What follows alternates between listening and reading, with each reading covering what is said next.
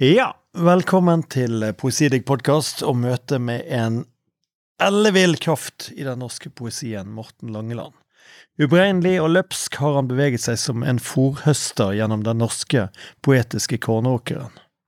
Med den kompromissløse debuten Æ, æ, å, der han la ordet i munnen på en sørlandsmakrell i 2012, gjorde han alle oppmerksom på at det var en ny Kid in Town, like leken som han var skarp.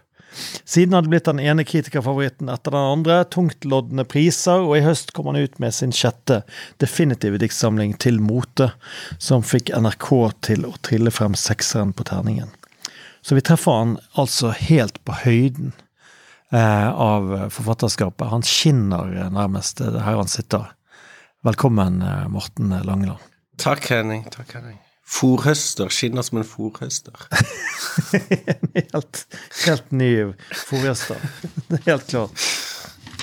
Eh, jeg hadde egentlig tenkt å si at du også var en fòrhøster drevet av en dyslektisk assosiativ motor. Oi. Som jeg tok fra et eller annet intervju. Ja, jeg tror det kan stemme. Jeg har hørt det før.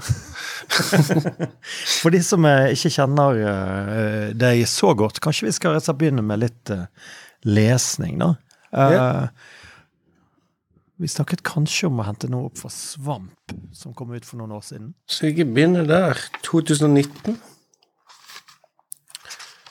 Fra første dikt i denne boka, som består av tre langdikt, Svamp. Og det diktet heter Baneheia. Porer siver gjennom porer, den varmeste sommeren i manns minne. Les fort, Les høyt. Jeg vil snakke om det viktigste, oppmerksomhetsjojoen, utspringet av innlemmelse, turen med hunden, rundt jorda, Laika. Vil ikke la dette bli kjedelig. Jeg skal ikke lage mer kjedelig kunst. Kaffegruten i blomsterbedet, sjokoladen bak småtingkurven. Markere flittig på kalenderen de to første månedene. Den gule hetten i hyssing uten markeringstusj. Nærmere oppmerksomheten et nyskodd barn mot første skoledag. Sommerboende sandkorn i skoen. Hender slipper borte ved porten.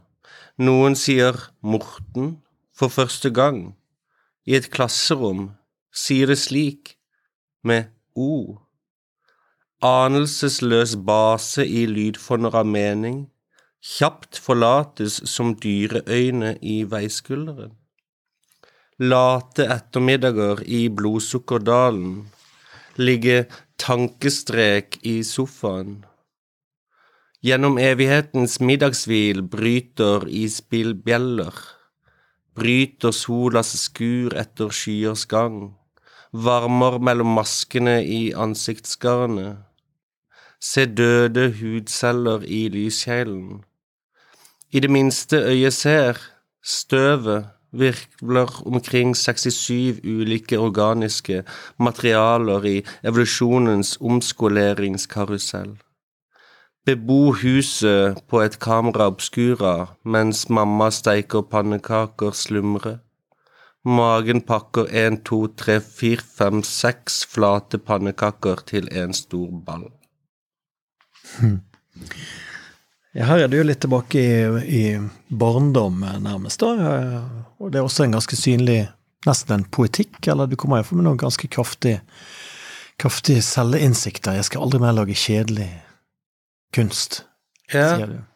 Ja, akkurat det Jeg skal aldri la, mer lage med skjellekunst. Det er vel en eh, parafrase eller en alludering til John Baldessari, som har et kunstverk hvor han skriver I am not going to make any more boring art hundre ganger på en vanlig krittavle.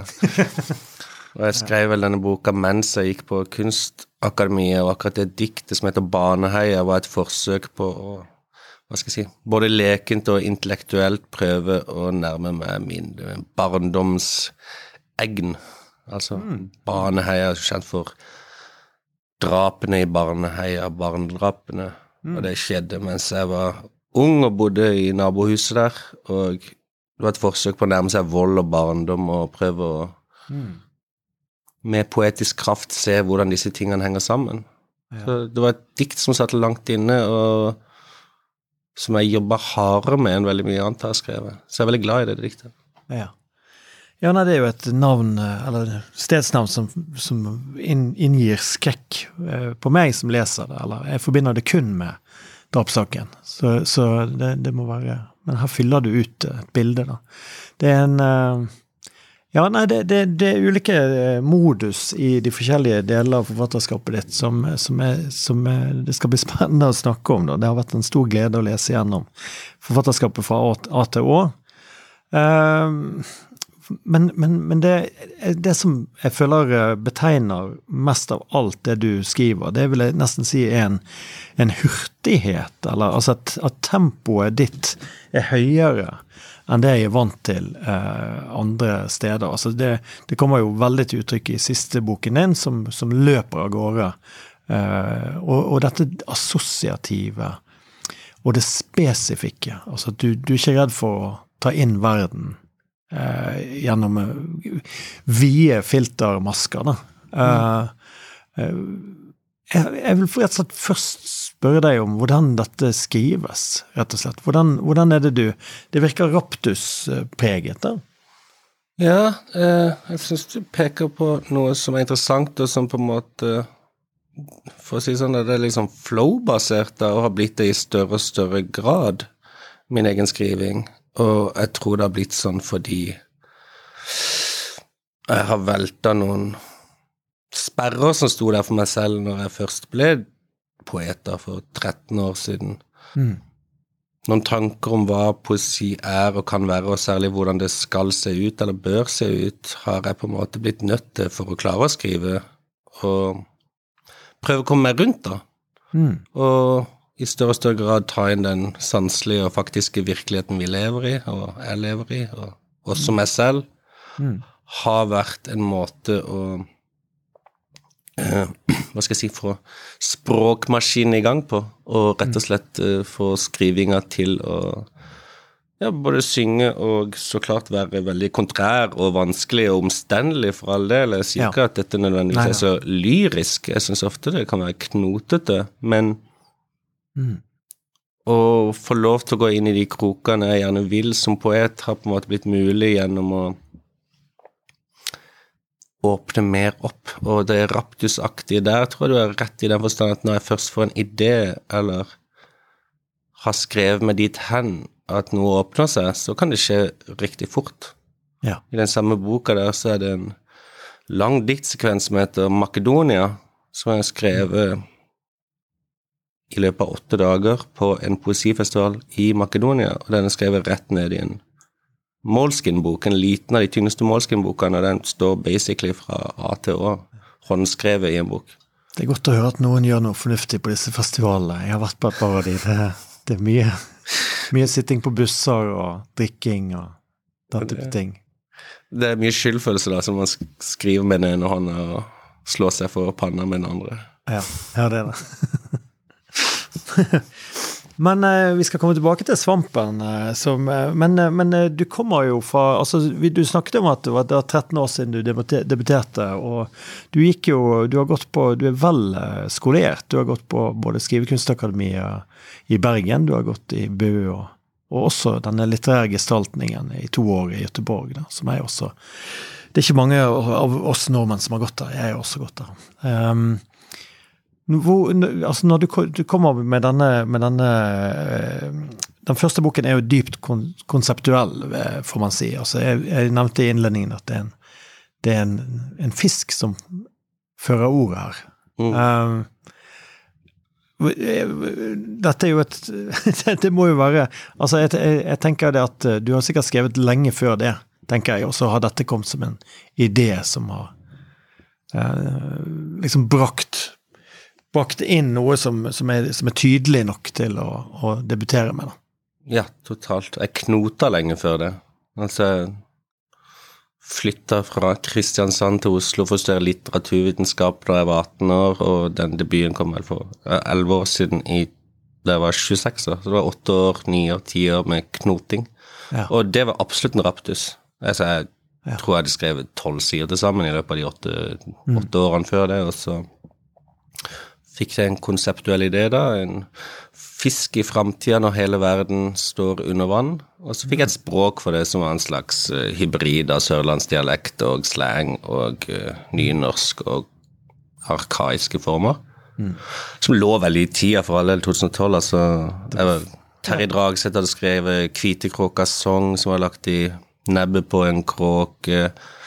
Øyvind Rimbreid kom vel med Jimmen ikke så lenge etter, eller omtrent samtidig, men Solaris korrigert hadde gjort det mulig, og særlig de tidlige bøkene.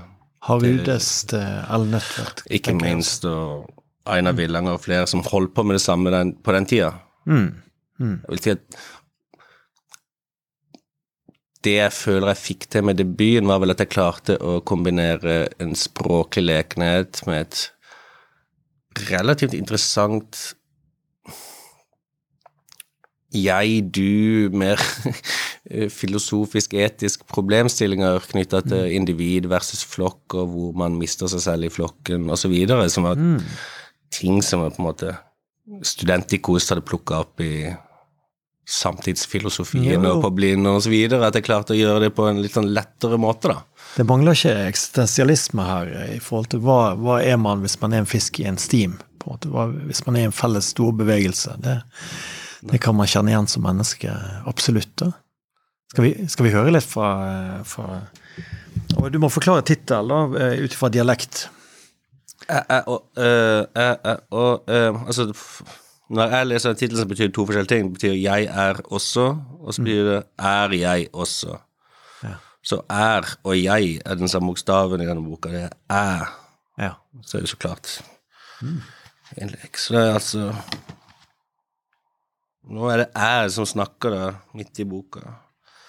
I sti, mi, si, mi, mi, mi, mi, og mi, si, æ, æ, sf. Mæ, mæ, mæ, det er æ, og mi, mæ. Mi, mi, mæ. Mi, mæ. Mi, mi, mæ, sti, mi, og sti, mi, mi, mæ, serr. Mi, si, samme. Likt, laga, æ, æ. En smakebit. Men det er jo en, eh, det er jo nesten som en skapelsesberetning også, eller det er jo et språk som bryter fram. Jeg tenker Du, du begynner vel med Altså, i børjinga Ingen interesse i børjinga. Mørket lå, lå nede i djupet, og i blågrå eter steig det gråblå havet, mens landet sank, bøljan bar tida til børjinga. Altså, selve tiden kommer inn i språket da. Ja, det er litt sånn kla klassisk Oppesen å skrive tidens begynnelse inn med sin første setning i, i poesihylla. ja. ja, men det er vakkert, da. Guddommelig anlagt. Man skal komme, komme inn med, med litt konfetti. Ja. Absolutt. Men, eh, men du fikk jo, fikk jo god flyt på den boken, da, og, og, og det var jo også en periode der opplesningsformen ble viktig rundt i, i det ganske land. Altså, eh, poetene var, satt, eh, ble brakt frem på scener hele tiden, og, og jeg tror jeg har hørt deg lese fra den iallfall tre-fire ganger. Ja, det er det eneste jeg har skrevet som jeg leser, så det jeg tar også den fram i godt lag. Men eh, ja, det var veldig skrekkbefengt for meg å tre inn i det å skulle lese opp. Altså, når jeg vokste opp og begynte å lese samtidspoesi sånn 16-17, ikke sant, Mm. så forholdt jeg meg til bøker. Ja, ja. Jeg hadde jo aldri sett en poet lese på scene på, før jeg var 25 eller 20 eller et eller annet. Men så skjønte jeg gradvis, og så gikk det opp for meg. Ja, fanken. Å gi ut en bok betyr at du må lese. lese ja. Så jeg var jo antatt og vel så det før jeg sto på en scene første gang. Og det var en slags erfaring det der Ok, Morten, skal du holde på med dette, så må du gjøre en hel del ting du syns er pinlig flaut Mm. og teit og ikke har lyst til overhodet. Du må på en måte svelge noen Ja, er det man svelger? Kameler og nåløyer. Mm. Og det var en sånn veldig tidlig erfaring. Okay? Å være poet og bedrive poesi innenfor en slags institusjon og offentlighet og være kunstner etc., det innebærer å deale med en hel del ting man ikke nødvendigvis vil. Ja. Og så må man ta det på strak arm. Så et Man- ubehag knytta til det for meg. ja. Det, det skjer jo også en splitting der. Du blir jo også et forfatterego, på en måte, eller en, en, en type, på en måte. Eh, altså, man får jo et offentlig bilde med en gang. Og, og. Det er jo veldig godt påpekt. Det skjer en splitting med en gang også, så ja. det går an å overleve det fordi det er noe andre, på en måte. Jeg føler kanskje at du har brukt den splittingen til noe positivt, eller at, at du har spilt litt på den i bøker videre, da. Med, med at du har bakt inn ditt, altså ditt dikter-jeg og ditt egentlige jeg. Altså autofiksjon, bla, bla, bla. Men, at- men at det er jo helt åpenbart at, eh, at du spiller litt på den, den rollen der òg. Ja, det tror jeg. Jeg syns det var veldig vanskelig å bruke ordet 'jeg' i begynnelsen. Ja, ja. Ja. Og jeg hører på en måte til i lyrikken. Det lyriske jeg. Men jeg syns det var vanskelig i flere år, så jeg måtte liksom Det er derfor det er en æ betegner bokstaven jeg, eller ordet jeg. Altså Det måtte hele tida en slags armlengdes avstand. Mm. Men så har jeg gradvis åpna opp og sett at disse skottene er jo på en måte interessante å utforske, om ikke i seg selv, men i kraft av hva det åpner for. ja. Altså både det biografiske og bruken av jeget. Ja, ja, ja. Det, og det er jo i, i tillegg veldig le, lesevennlig, da, til tross for eh, Det må jeg, må jeg kunne si, og også humoristisk, må man kunne si. Og du, du sier jo på en måte 'uten humor dør kunsten', skriver du også i en, en senere bok, på en måte. eh, Så du er ikke, du er ikke fremmed for å for å leke, på en måte, litt. Nei, altså Jeg tror en sånn uttalelse uten humor dør kunsten også kommer ut fra en ganske dyp kynisme, rett og slett. Altså, Ja, fortell. hvorfor i helvete skal noen gidde å lese hvis det er kjedelig? Altså, Ja, ja, ja. En sånn type greie. Ja, Og ikke at det skal være catchy eller sell-out, eller at lyrikken ikke har noen grunn til å eksistere. For jeg syns det er den mest interessante kunstformen. Jeg syns faktisk det. Jeg syns det er der ting kan skje på den beste måten, og jeg har prøvd andre ting. Ja. Men eh, altså det, er, det at eh, det skal være kjedelig og hjertesmerte osv., det er nå én ting, men man må på en måte hele tida fordekke det på et eller annet plan. Man må liksom Man må dekke bordet. Ja, ja, ja. Igjen og igjen, på nye måter, tenker jeg, når man skriver. Ja. Og det er kanskje det som jeg mener med humoren, altså. Du må, du må ha en eller annen eh, snappiness eller et eller annet som drar deg inn, ja, ja. Du, ja. Tror jeg. Det må, du, du må gi leseren en grunn til å være der i utgangspunktet. Ja. Mm. Men, men eh, du, du oppholder jo det videre i denne dyreverdenen. Jeg vil jo si at det, det, det, humoristiske vil jeg si at det er kanskje mest eksplisitt i eh, den eh, boken som heter Sonetter. Da. Eh, altså so som i en dyrehage, og netter.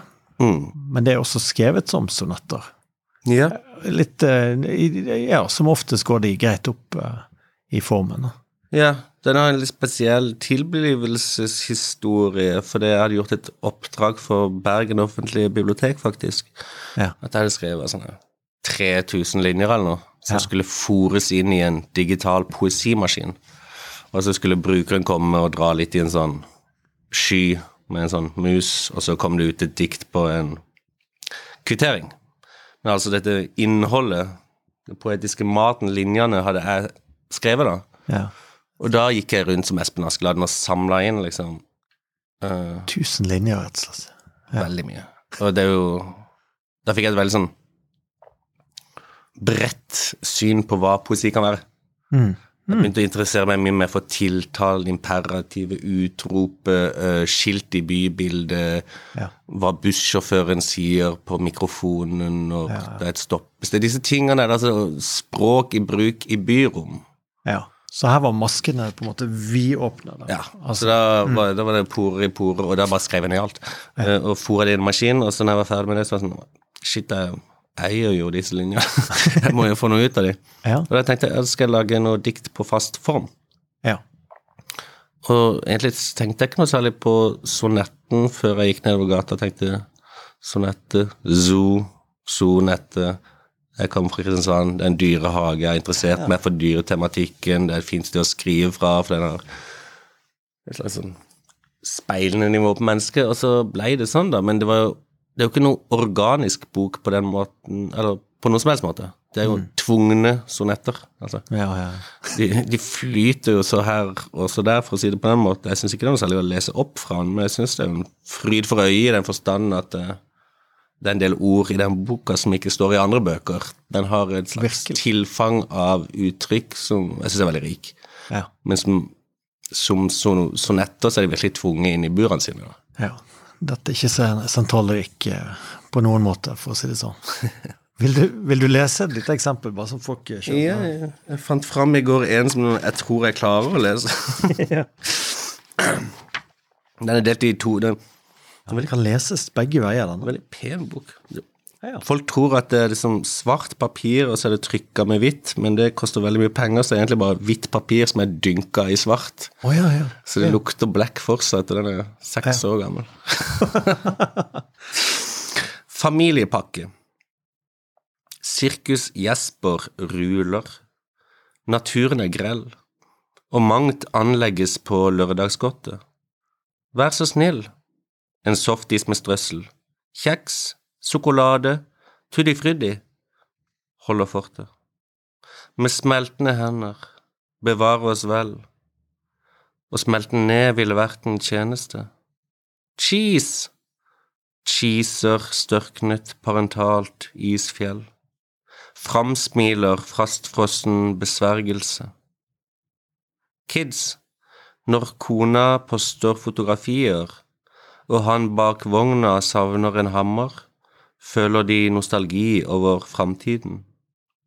Den ankom i uønskede former, valset valgene, smukk, ned til skjebner, i alle dager. Hvem holdt konsollen? Det er hvordan familien kommer og stjeler livene våre, og man står der med smeltende softis og forbanner skjebnen. ja. Kjenner meg igjen.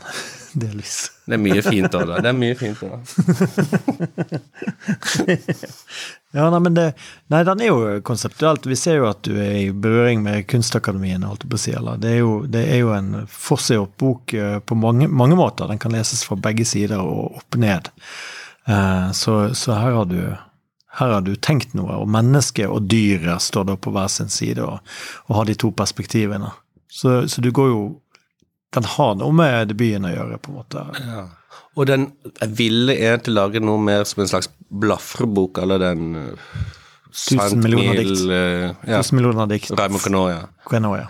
Hvor du kan blafre, og det er uendelig med muligheter, da. Ja, ja. Men det var ikke så enkelt å lage som jeg trodde, så det, det ble en avart.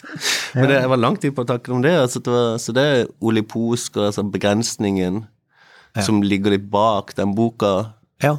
Mm. Mer eller mindre vellykket. Altså, jeg liker å tenke at bøkene mine er forskjellige, men jeg har til og med en kamerat som mener at det er hans favoritt. Og det er litt sånn ja. selv det som kanskje ikke er det som står der nærmest, kan nå noen. Og når Ja. du får høre sånn av og til, så blir det sånn ja, ja, det er en praksis dette her, Du skal framover, og Ja. den får ulike nedslag, og det kan være um, Ja, jeg tror eh, sånn som hvis Når jeg leser forfatterskapet ditt i, i en helhet, så føler jeg at, at der brøyt, det var som en brøytebil, denne boken, som på en måte lagde et rom. Mm. Altså Du økte det, det rommet du kunne jobbe i, ganske kraftig. Du sa den veggen den skal ti kilometer den veien. Altså du skal utvide.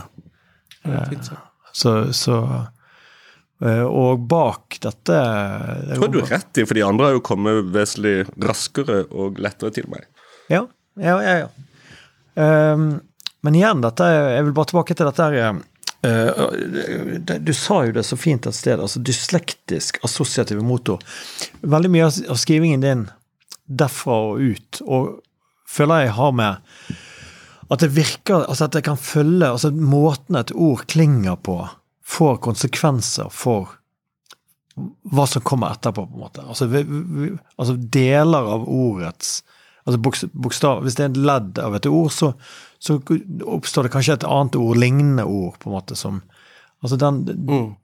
Det er kanskje det som Jeg, jeg føler at det ser ut som en raptus. Mm. Men er det alltid det, eller er det, er det Altså jeg, jeg tenker det må jo være så- også en enorm utforming. For, det, for de er jo Alle bøkene føler jeg er, er ganske gjen, altså De virker gjennomarbeidet, vil jeg si. da. Altså, Kanskje bortsett fra den, fra den makedonske eh, biten, men, men som, som virker uh, mer dagbokpreget, føler jeg. da. Nei, nei, jeg, jeg, tror, jeg tror absolutt at jeg skriver på lyd i veldig stor grad. Ja. At det er motoren.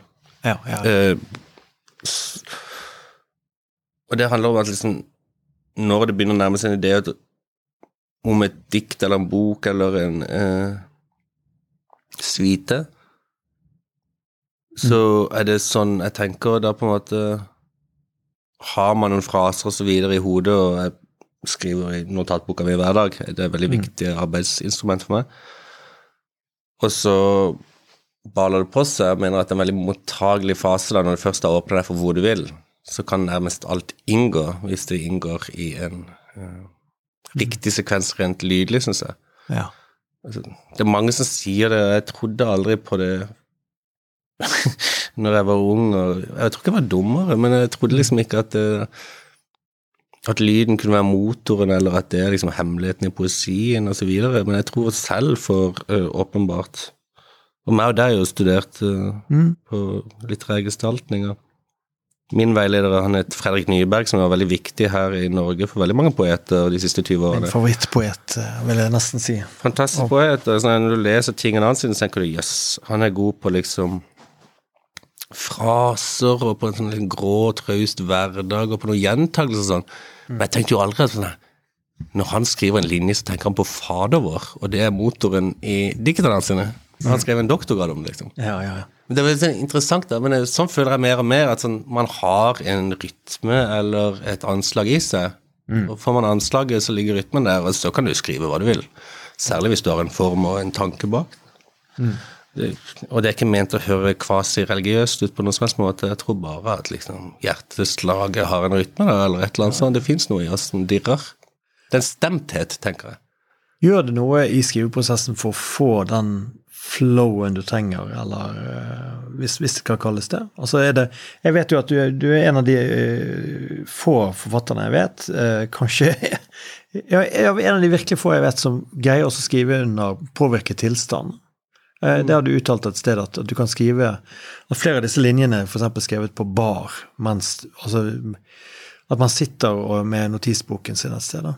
Ja, jo, eh, absolutt. Men det handler om at uh, så ikke jeg, jeg har drukket for mye i mitt liv, for å si det sånn, men det har jeg også skrevet liksom tre bøker mens jeg har vært ordentlig beruset. Og eh, det handler mye om nettopp den mottageligheten der hvor du liksom sløver deg sjøl litt ned, og øret blir litt fjernere, og bare sitter og tar inn det. Så man, det, hjelper, det hjelper ikke å sitte og snakke med folk hele tida.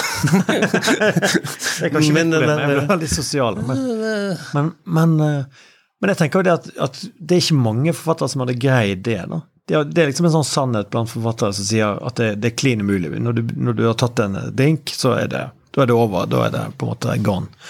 Eh, men eh, jeg tenker det har med din måte å skrive på, jeg. Altså at det, at det Jeg tror det handler om å være åpen i en fase av skrivinga og være kynisk og lukka og liksom vanskelig i en annen.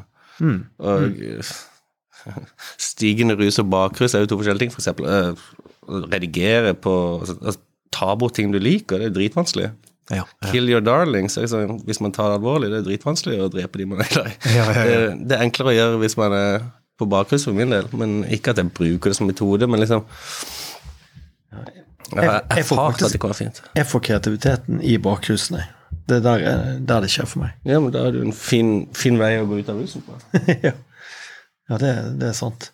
Um, og det, det, det skal jo også sies at den, den, den står jo litt i sammenheng også med den Bavianen som kom ut noen år tidligere. Da. En bitte liten sak som jeg, som jeg likte veldig godt. da. Som en chapbook som jeg skrev på en drøy måned. Ja. Eh, men jeg vil jo si at eh, den, eh, altså den, den egentlige kommunen kommer jo eh, som en forlengelse. Og der, der syns jeg du der, der er du på en måte der, den, den står virkelig ut som, som, som noe jeg opplever den som et skrik, da, rett og slett. Altså, jeg opplever en skikkelig smerte i den, eh, den samlingen, og det er, som, som ikke er der på samme måte ellers. Og det er fordi at det er en stemme der som søker et fellesskap, eller eh, reflekterer over hva fellesskap er for noe. Eh, den egentlige kommunen, altså. Men ikke finner det helt, føler jeg, da. Jeg syns den er Det er en dyster bok. Leser jeg det for mørkt der, eller? Nei, altså Den henger jo selvfølgelig sammen med den, den sildestimen. tenker på en måte at Hva skal jeg si Tone eller stileie jeg har som fatter, ofte kan kanskje betegnes som elegisk spøkefullt. spøkefullt. Litt sånn trolsk innenfor det sørgmodige. Um, men i den egentlige kommunen så er dette litt sånn vedvarende lave stemningsleie. Det blir på en måte ikke ehm, kontra av letthet eller utganger eller håp i det hverdagslige eller Mm. det enkle vakre. Det blir på en måte det, det er en søken på en annen måte, kanskje, som nettopp uh, lyder litt hult. Den befinner seg altså, Kjæresten min sa i går Du skriver jo bare om det urbane, men jeg tror ikke hun har lest denne her, for det er en, veldig, en bok som er litt sånn i skogkanten. Ja, ja. Det er liksom kråkas eh, Kråkas domene mellom menneskene og naturen, liksom. Jeg vil bare si at dine sitater gjennom boken er jo også veldig sånn, for vi som har vært på liturgisk gestaltning, det er Bengt Emil Jonsson, det er, det er en del av disse svenskene som, som nettopp befinner seg i det, det landskapet der. Altså, de beskriver natur, og de beskriver utkanten mot den, det, mellom det ville, kultur og natur og Jeg husker Torgeir Skjerven sa en gang at eh, svenskene kan bare skrive om to ting, sorg og skog. Og disse litt alkoholiserte ornitologpoetene fra Det er Erik Beckmann, det er Bengt Emil Jonsson, det er mange av mine favoritter. og Tidligere Erik Lindegren. ja. 'Mann uten veg', som jo er en modernistisk klassiker i Sverige, som er en sonettesamling hvor det ikke rimer. En katastrofebok. Arnulf Øverland nevner den i sin tungetale-greie. Ja, ja. Eller Carl Wennberg, en veldig sjarmerende poet. Det fins en tradisjon eh, i Sverige der, og opp til nyere tid, og også fantastiske kvinnelige som Jenny Tundal blant annet senere. Men liksom, det er et svensk lynne, og det kan være fordi jeg ikke skjønner svensk godt, som på en måte virkelig tiltaler meg. Det, det er en fordel å ha den lille avstanden. Det skal sies at i denne boken så kommer det også utfall som eh, husk å resirkulere uh, ut, utropstegn og kjøp meg cola. Zero. Så, så det, det er ikke fraværet av eh, Det er ikke helt fravær, da, men eh, overvekt, vil jeg si, av, av sorg. Ja, og jeg leste den i går, så ser jeg så, sånn, yes, hva er første, hva er første eh, sentensen eller verset i denne boka? Og det er morgenrøde plastikkjegler på biltakene. Og jeg synes, jeg tenkte det er flott, liksom. ok. Ja. Det står noen veikjegler på biltakene, noe har skjedd, og så i slutten av sekvensen så kommer det fram at jentene tisser bak søppeldunker, er drita fulle og synger en sang, og så setter de kjeglene på biltakene. Ja. Altså, den har sånn. Fiffig. det, det skjer et eller annet liv der, det bare ligger et, et, en snøball unna, da. Ja. ja. Skal vi høre litt fra, fra den? eh? Ja, skal jeg ta fra begynnelsen, eller? Ja. Ja. Den er god. Kan du lese den første sida? Den heter altså Morgenrøde, litt sånn nietzscheansk der. da. En. Morgenrøde plastikkjegler på biltakene. Morgenrushet gjennom disen. Gjerder. Strømmaster. Nattas sedimenter virvler. Opp grålysningen. To.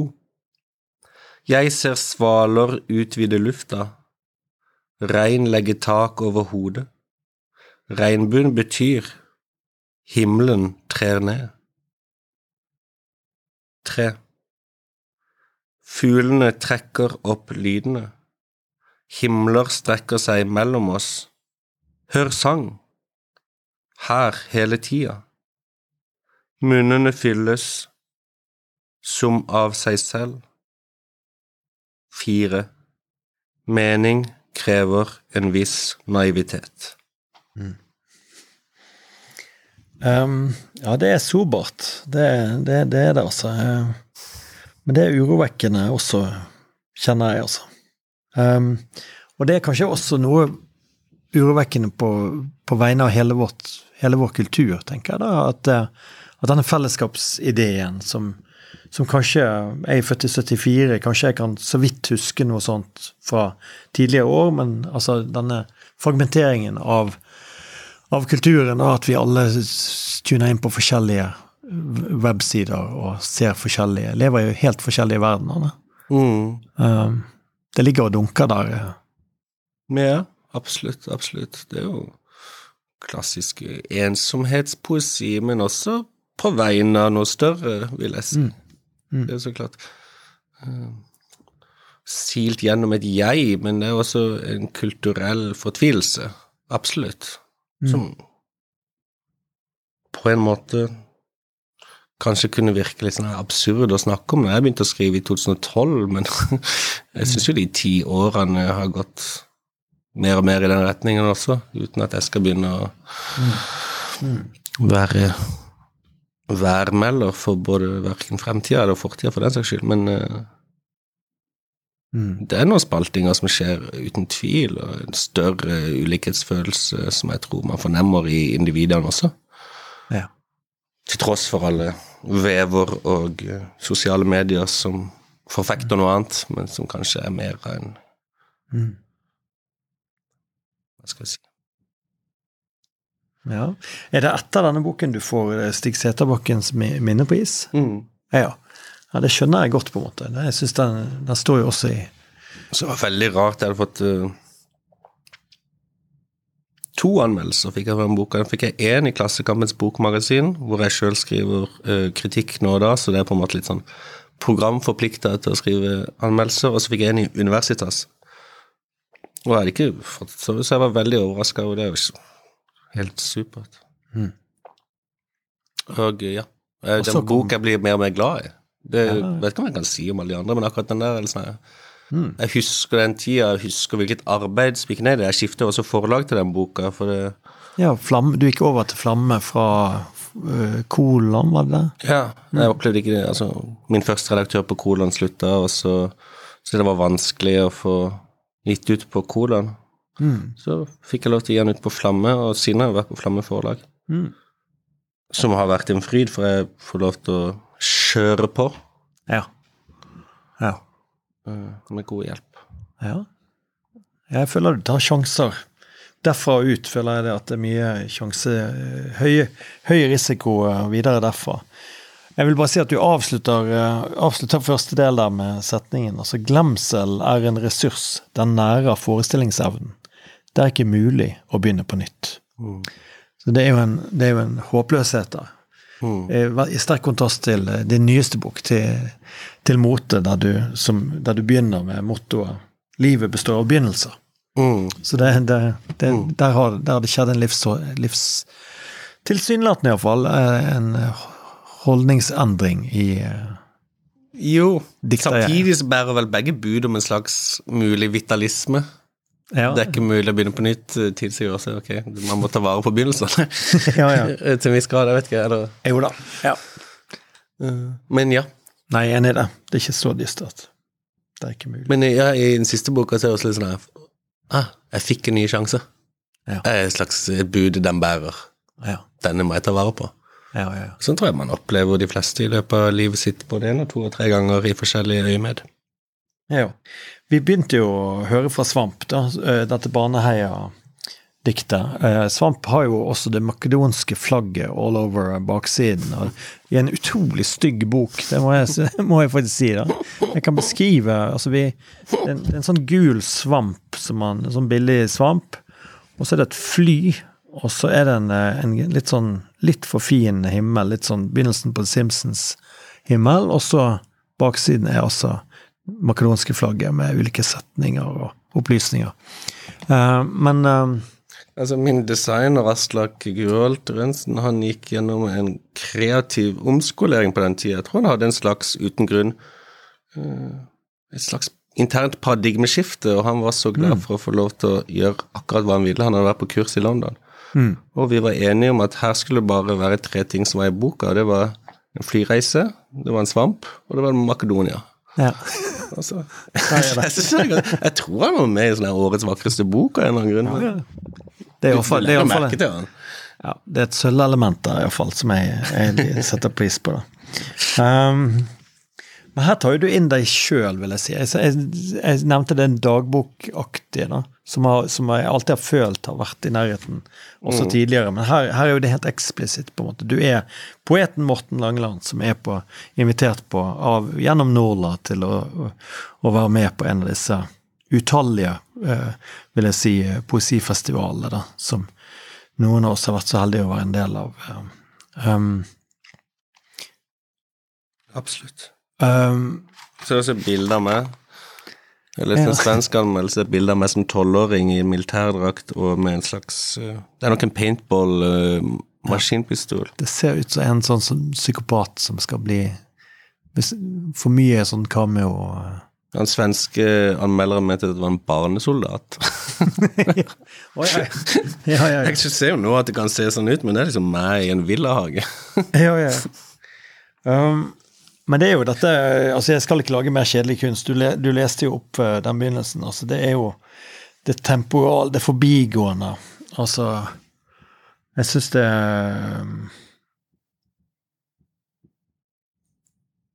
Men det er også den mest politiske du har gjort, etter min mening. Altså, du, du går jo dyp Du går jo inn i Israel, du går inn i, i mange av konfliktområdene og sånn og sånn. og og, og, jeg er nesten en svamp som tar inn disse fortellingene fra disse andre poetene som kommer fra helt andre bakgrunner. Det er jo det som er det absurde på de eh, festivalene, at du skjønner at det, man driver ikke med samme ting. Man, man holder på med rett og slett helt forskjellige altså Kommer fra tradisjoner som man ikke gjenkjenner i det hele tatt. Eh, Mm. eh, det tok lang tid før jeg skjønte på, på de festivalene jeg har vært på, at de jeg satt og hørte på, var gode poeter. For jeg gjenkjente det bare som Ut fra min, mitt perspektiv, som noe helt meningsløst. Ofte, da. Det, Ja, det er en salig blanding av eh, korrupsjon og velvilje og fantastiske poeter og eh, mindre fantastiske poeter og folk med sterke historier og folk som står med beina i en tryggere ja. postmodernistisk eh, Ja. virkelighet som oss. Men hva var, det følte, hva var det som gjorde at du følte at denne, denne settingen ga, ga grunnlag for uh, at du oppdaget at her gikk det an å si noe viktig? For jeg føler du sier noe viktig. Jeg begynte på den tida å bli mer og mer interessert i de gjenstandene, artefaktene og historiene som på en måte peker mellom ting. Du nevner det med Du skriver om Israel og sånn i den boka. Altså, jeg tror det står et sted De israelske og palestinske flaggene blir produsert på samme fabrikk og fraktet med samme fly. Mm. Altså, det er bare sånne, sånne ting, da. Mm. Altså den lille liksom detaljen i hvordan verden henger sammen mellom disse, med disse reisene. da. Som så også peker fram til min siste bok, som er veldig opptatt av dette. Hvor kommer den tingen fra? Hva har du på det? Hvem har lagd det? Ja. Hva betyr det? Ja. Dette er liksom gjennom tingene og eh, også menneskene og de sine historier, og prøver liksom å knytte ting sammen. Og jeg tror det kommer litt Det er ikke Godard som har en film som heter um, To eller tre ting jeg husker om henne. Så fantastisk tittel. Og Det har eh, vært mer og mer viktig. for sånn, Hva kan du si om dette? Det er den dyslektiske, assosiative kraften, som også har åpna opp for å skrive prosabøker. Eh, helt. De er bare virkelig drevet av dette. Så må man holde tømmene og tenke overordna hva man vil, men som en skrivemotor så har det virkelig vært eh, produktivt for meg. Ja, ja. Skal jeg lese? Ja. Jeg fant Ja, gjør det. sånn. Gjør det. Gjør det. Ta oss til Makedonia. Ja, det handler mye vi har snakka om. Nå sitter de og drikker på Nå sitter de og drikker på Istroga i Makedonia, som akkurat på denne tida skifta navn fra Makedonia til Nord-Makedonia. Det er jo veldig viktig hvor Alexander den store kommer fra. Eller, da vant Hellas i denne, i denne omgang. De fulle drikker himmelen på rekordtid. De eldre roper bravo når opplesningene svinger. Når Gayat snakker om imperialisme, nevner han kvinnene som blir voldtatt, oftere enn menneskene som blir drept. Without Israel, my father wouldn't left Palestine, wouldn't met my mother. Without exile, I wouldn't meet my lover. Dear reader, I began to enjoy the exile. I never wanted the normal life. Bra kjør. Det er veldig fint når vi skriver ikke her, alle sammen. En eldre kar flyktet og leste i avisa. Der sto listen over bøkene de brente, og han fant ikke sin egen. Day by day I lose my connection. Da skrev han et brev, så klart, og ba om å få sin bok brent også. Ville du klart det? Klart det? Så det er en slags type øh, vingeskutt solidaritet også, som er interessert i det poetiske fellesskapet der. Man reiser jo rundt som representanter for sitt land også, på en ganske, Ja, ja. På en ganske fordum øh, rar måte, syns jeg. Ja. Som, Du skriver også at du følte at du forsto noe om hva Europa var for noe inni der. Vil du si noe om det?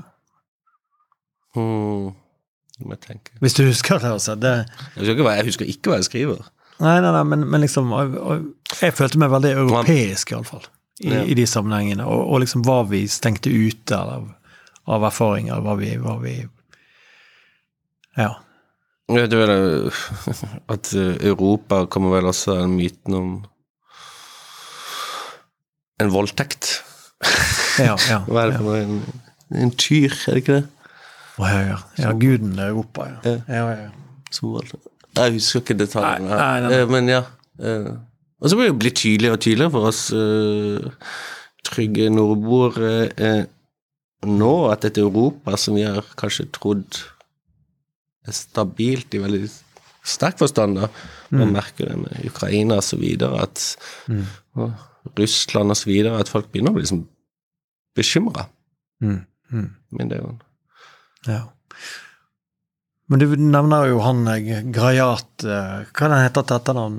En, en fantastisk palestinsk poet som, som bortimot lever på poesifestivaler. Han har, han drar vel Han har vel 365 reisedager på, i året. Dere opp på Oslo poesifestival med jevne mellomrom. Ja, ja, jeg husker ikke hva han heter. til etternavn. Han var, han var en karakter. Ja, Det er mange karakterer der ute. det er det. det, er det. Um, jeg, tenkte, jeg tenkte å ta opp i forbindelse med Eller det kan egentlig alt, da, dette med langsomhet og tempo. Det var bare en ting jeg tenkte på. Jeg fikk en sånn assosiasjon til at For det vi forbinder jo dikt med langsomhet. Det er jo det det er. Altså det, det skal liksom ta ned tempoet. Du tar ned tempoet i språket, og så ser du nøye på språket. Det blir litt sånn som sånn denne musikksjangeren med sånn Ane Brun synger popsanger veldig langsomt, og så, så hører du hva, hva det egentlig hva er egentlig den der eh, I wanna dance with somebody. Ja. Du skjønner at du virkelig faktisk vil danse med noen, på en måte, fordi at Anne Brun tar, tar det ned eh, i, i tempoet. Mm. Eh, og det, det syns jeg er poesi, men, men du har funnet kvaliteten i nærmest det motsatte, føler jeg. da. Altså at du, du les høyt, les fort, på en måte. Mm.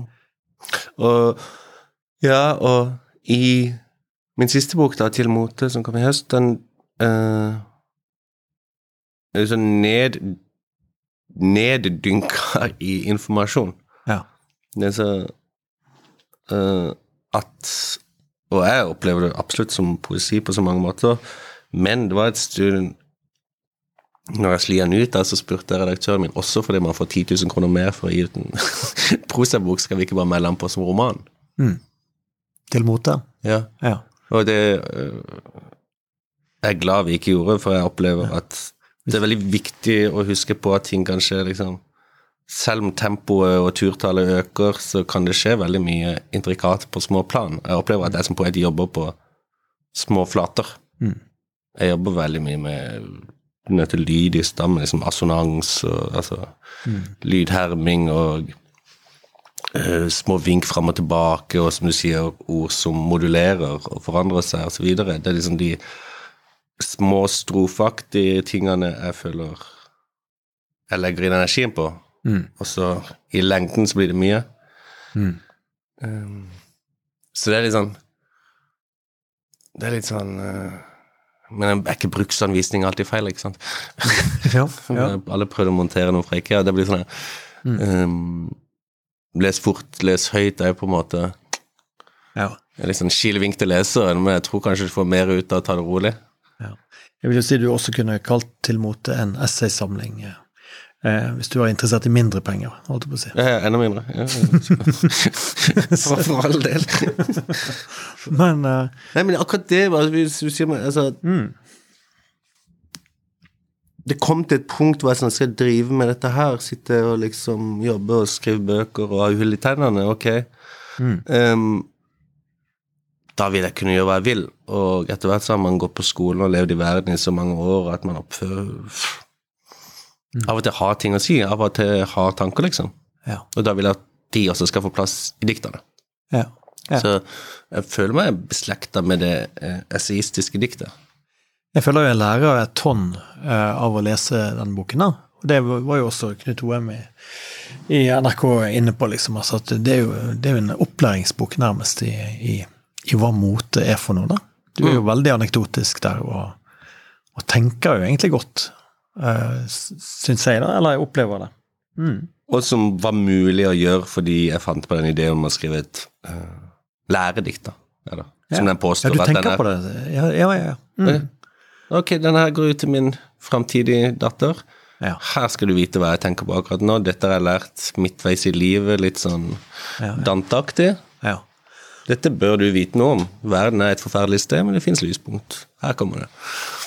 Og her, og her skjer det noe i livet ditt. Altså, du treffer jo rett og slett en kvinne som du blir glad i, og blir glad i deg, og som driver med dette. Altså rett og slett Som er dypt talentfull og, og har ganske mye innflytelse, sånn som jeg forstår det, i, Mm. i moteverden. Ja, på In the fringes, eh, på kanten av moteverden. Absolutt. Ja, Eh, sånn sett er det litt interessant. Det er på en måte jeg som poet og pappa, da, Mm. eh, er Hva heter det? Du vet når du kommer opp på den røde løperen, så er du en sånn trophy wife. Men det er på en måte ja, ja, ja. Jeg vil ikke kalle meg selv et trofé, akkurat. Det er på en måte eh, poeten som har den posisjonen. Den som følger etter. Du har iallfall nok nok til at eh, bibliotekboken på eh, din eh, Jeg lånte boken din på Bergen Offentlige, for jeg hadde lånt vekk min egen. Så var det noen som hadde klippet ut uh, forfatterportretter.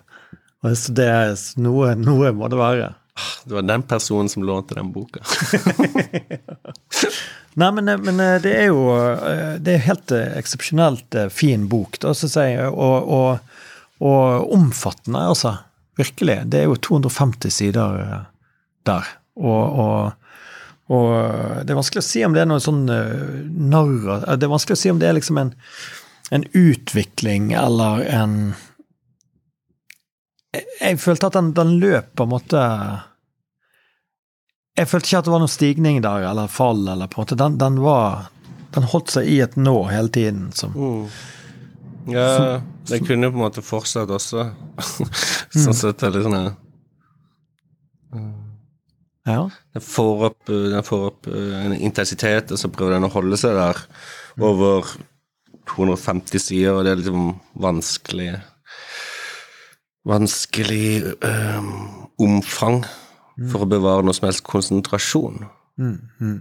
Så så klart den uttømmer seg sjøl i tingene den gjør. Det er ikke noe tvil om. For, for de som ikke har lest boken, du har, altså, du har sagt et sted at mote er et godt redskap for å tenke. Eh, altså at det, at det sier noe om, om både individ og, eh, og sånn. Altså, kan, du, kan du si litt om, om det? Altså hva, hva du har Hvis du skulle liksom holde en elevator pitch på hva du har lært på en måte gjennom det? Eh, ja, det vil si to ting. Én ting er det samme som jeg prøvde å si eller tenke på i stad, var det med mm, hvordan du kan ta et objekt, noe vi alle går med, alle kler seg hver dag osv., og tar på seg et eller annet, Mm. og det ø, henger sammen med hele verden, rent sånn forbindelseslinjer, altså de Ja. Hvor laget kommer bomullen fra, hvem har sydd det, osv., hvor har det reist, hvor har du kjøpt det for, hva hva konnoterer det i alle fasetter av den reisen dette plagget gjør? Mm. Helt til liksom, hva det betyr for deg, hvordan det føles mot huden. ikke sant? Ja. Det er nå én ting. Eh, det andre med mote er vel at det er et begjærsobjekt i veldig stor grad. Ikke sant? Vi lever i en verden hvor Jeg husker når Facebook kom, så ble ikke jeg medlem av Facebook, og jeg har aldri vært det, men grunnen var at jeg syntes det virker så vulgært å vise seg fram på den måten. Altså bare det derre 'Her er mine venner', så videre. Altså det, det, det, det lå virkelig ikke Jeg skjønte ikke at det skulle være noen åpning for det i tida. Så klart, hele verden har jo blitt sånn, og man gjør det i alle kanaler. Men akkurat når det kommer Det kom i 2007, liksom. Altså Vi snakker om veldig nær fortid. Det er jo det samme ubehaget du fortalte om når du skulle lese opp første gangen. Ja. Sånn, Jøss, er dette verden? og det aksepterer man, alt det der. Men mm. mote har det derre Sånn vil jeg framstå. Ja. Eventuelt uh, se hvordan vi viser oss fram.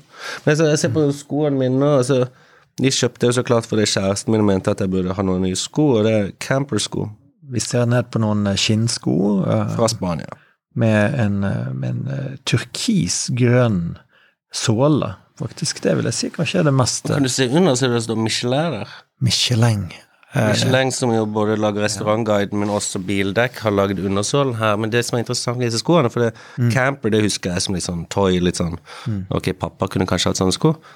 Det er at det er en designer som gikk fra et merke til et annet, som nå designer camperskoene. Og han heter Akilles. Akilles er jo postguden Ja, som løper med sko med vinger. ja, ja, ja. Og han heter Akilles på ordentlig. Er ikke det fantastisk? Det er de små tingene der. det er Bare, Det var jo, jeg tror, jeg tror jeg har sagt det før i podkasten, men det, det var Andy Warhol som sa at san, vårt sanneste uttrykk Vi er på vårt sanneste punkt når vi poserer. Mm. Altså poseringen er det sanneste vi har. Da. mm, mm. Da, da viser vi frem det vi virkelig er. da. Rett og slett. Men er ikke det også noe med når det brister? Ja, det er han også veldig interessert i, når, når det faller. da. Eh, film noen i åtte timer til de ikke orker å smile lenger. Tortur. Men, eh, men eh, kan vi høre litt fra til mote? Ja, jeg tar, Begynnelsen er jo jeg tar kanskje fra begynnelsen, for det som, som vi alle vet, altså Det har noe å si hva man begynner med. ja. På godt og vondt. På toget, i farta. Jeg kom på en form. For meg har det vært motoren som ledet meg til helt nye problemer. Formen er som følger. Tre linjer, såkalte treversinger i fire strofer per side. Innholdet som følger. Et hyllestdikt til min hjertenskjær og et læredikt til min ufødte datter. Lille Trille. Og tro ikke at jeg vet så mye, mer enn at læreren bestandig lærer mest. For eksempel at et dikt trenger et sted. Så vil du ha et reisedikt med litt samtid og mye alenetid, har du hoppet på riktig tog. Vi ankommer snart Paris, motemoloens arnested. Norske damer kler seg som døtrene sine, og døtrene kler seg som kjerringer. Dette er ikke misogyni, bare en motekorreks mammaen din, Elise Olsen, gjorde da hun kjørte meg til jobb i formiddag. Du skal få vite altfor meget om oss, alle, lille Trille, og jeg kommer til å dosere, rikelig. Nået er et hugg mellom det som har vært og fortsatt virker, og hun som snart nedkommer, med framtiden min, deg. Pustepause, som en pusteøvelse, som en fødsel. Jeg skal fukte moren din over pannen når hun pruster og blir kvinne. Dette livet kan ingen vinne, og snart er du datter. Ja. Dikt til den ufødte datteren, da. Eh, det var kritikeren Tula Kopreitan, utrolig fin kritiker, som mener har funnet en essens i din holdning inni denne boken, der du skriver 'Jeg tror på the need to capture ephemeral tendencies'. Disse bussene, døgnfluene, tidsbøyene, livets grunnstoff, raritetene. Å samle det som falt, og man fant på bakken. Mm. Altså denne hangen din til spes, tilsynelatende Ja, det spesifikke tilsynelatende private detaljer og den type ting, altså. Det er Ja, altså i en forstand er jo ikke det uh, Det er vel det første man lærer på skrivekurs også, å være konkret. ja, uh, ja, ja, ja. Og så er det jo så klart overlesset og overdrevet. Mm. Uh, Her skal man også skyte inn at Morten Langeland er lærer i skrivekunst på eh, Skrivekunstakademiet i Bergen. ja, det har vært i snart fem år, og det sammenfaller jo faktisk med mine fem siste bøker. Mm. Så det har gjort meg mer produktiv på en måte. Det er veldig berikende å være lærer. Det er jo hele tida måtte Mm. regulere og også sette ord på Mm. sitt syn på poesi. Ja. I tillegg til det ja. Hvis, du, hvis du har gått fire år på skriveskole og så på kunst, kunstakademi, så må du være glad i å diskutere litt uh, Absolutt, absolutt. absolutt. Mm, Men man, man blir jo også på en måte dummere i en god forstand av å gå på skole, da. Men å holde det liksom varmt, det, mm. Det er jo vanskelig å holde varmt, denne mottageligheten eller stemtheten overfor verden og det å skrive, for det er jo risiko involvert, og det er tomt før man starter, og det er tungt å utføre det, det er vanskelig å få til, og som regel så fører det ikke så mye med seg. Nei. Man må på en måte hele tida glemme og så kickstarte seg selv. Ja, ja. Det er som å Men jeg føler at du går nye veier hele veien, og det, det, det må du virkelig Ja. Det er, det ingen eh, tegn til stagnasjon her, da. Men jeg syns allikevel det når, vi liksom, Nå har vi diskutert alt sammen, og jeg føler liksom at, det, er no, det er en sammenhengende tråd her som handler om fellesskap, eller eh, som har med hvem, altså identitet som går utover individet. Vil ikke du så egentlig si at det, at det gjelder for alle bøkene? Jo I, i, i nye sammenhenger? Ja, og lengsel og håp i en slags øh, Og tvil. Ja, Ja, en slags liksom stadig modulerende øh, triumvirat, da. Mm. Eh, uh, I stor grad. Jeg vet ikke Det er jo merkelig, for akkurat det å skrive er veldig ensom akt, i i den forstand at vi må på en måte være alene, og det bør være stille, og vi må konsentrere oss, og det tar lang tid.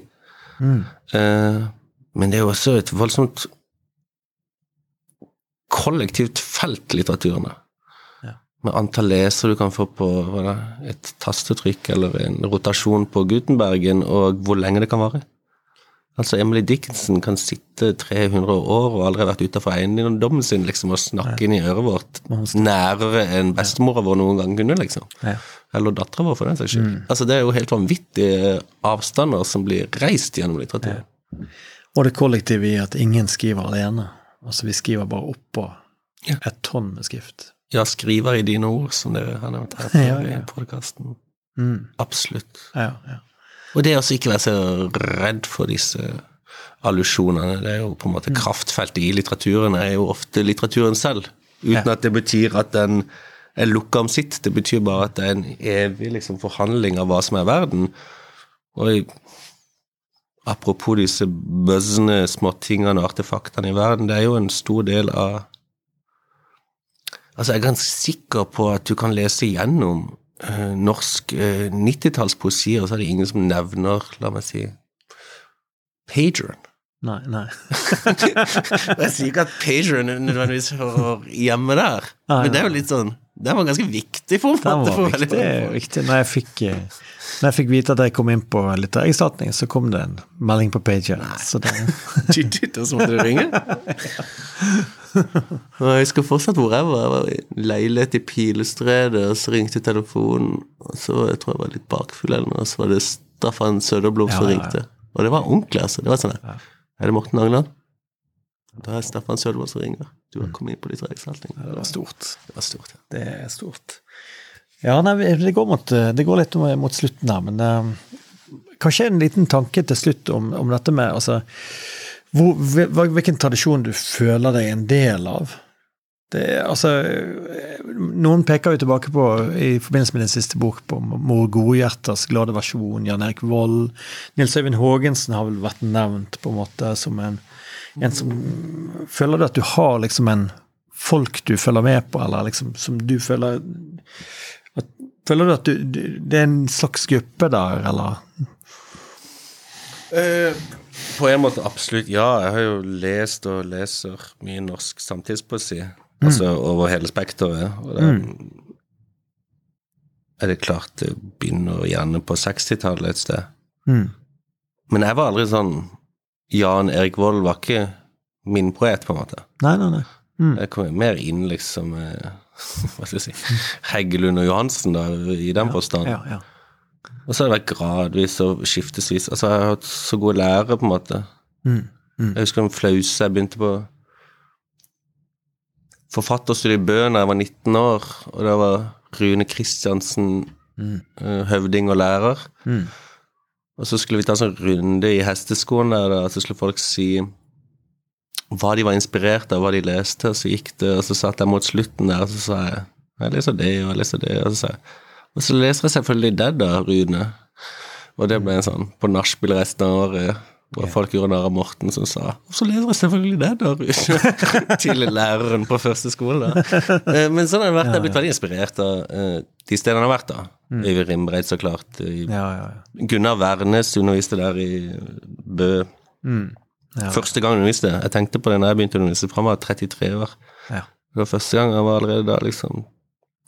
Fantastisk. Og så studere i Studere i Sverige har betydd mye for meg, har gode danske venner. Eh, så jeg leser skandinavisk samtidspoesi i stor grad, og jeg føler på en måte at disse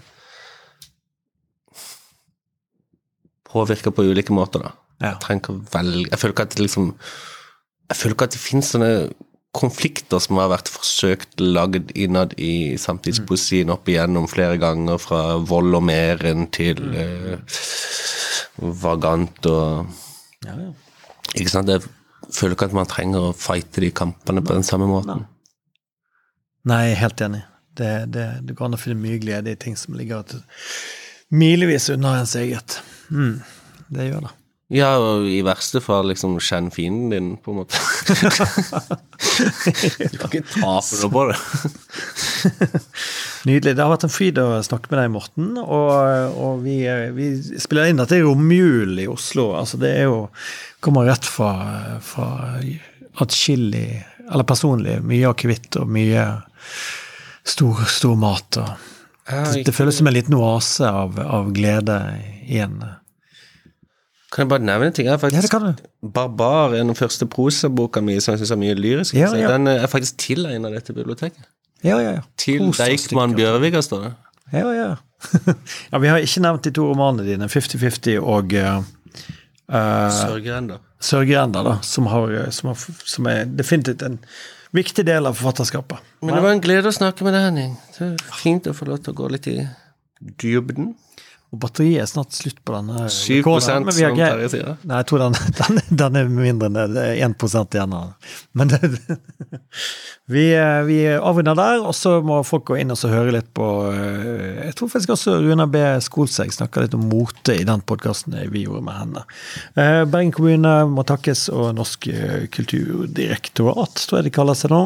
Og vi tar eh, og går ut igjen i Oslo og basker rundt i snøen litt.